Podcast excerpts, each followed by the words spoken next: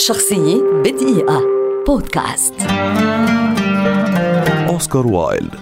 مؤلف مسرحي وروائي وشاعر إنجليزي إيرلندي عظيم. ولد عام 1854 احترف الكتابة بمختلف الأساليب خلال ثمانينات القرن التاسع عشر وأصبح من أكثر كتاب المسرحيات شعبية في لندن في بدايات التسعينات من القرن نفسه. في الجامعة. قرأ المقررات الكلاسيكية المعروفة وبرهن أنه كلاسيكي بارع ثم بات معروفا بدوره في بزوغ الفلسفة الجمالية.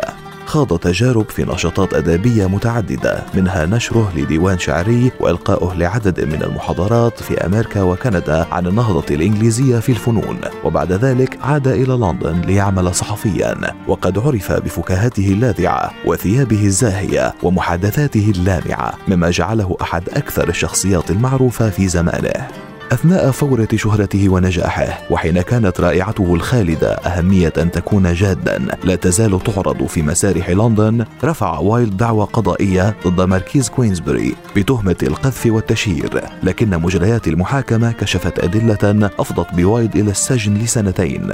كتب أثناء احتجازه رائعة من الأعماق وقد كانت عبارة عن رسالة طويلة ناقش فيها مسيرته الروحية خلال المحاكمات مشكلا وجهة نظر سوداوية مخالفة لفلسفته السابقة عن اللذة. وعند إطلاق سراحه غادر فورا إلى فرنسا وهناك كتب آخر أعماله أنشودة سجن ريدينج وهي قصيدة طويلة يحكي فيها وقع حياة السجن القاسي. عام 1900 توفي أوسكار وايلد وحيدا فقيرا بالتهاب السحايا عن عمر ناهز السادسة والأربعين عاما. هو الذي لا يزال يعرف حتى اليوم بمقولاته الحكيمة ورواياته الرائعة وظروف سجنه ونهايته التراجيدية. شخصية بدقيقة. بودكاست.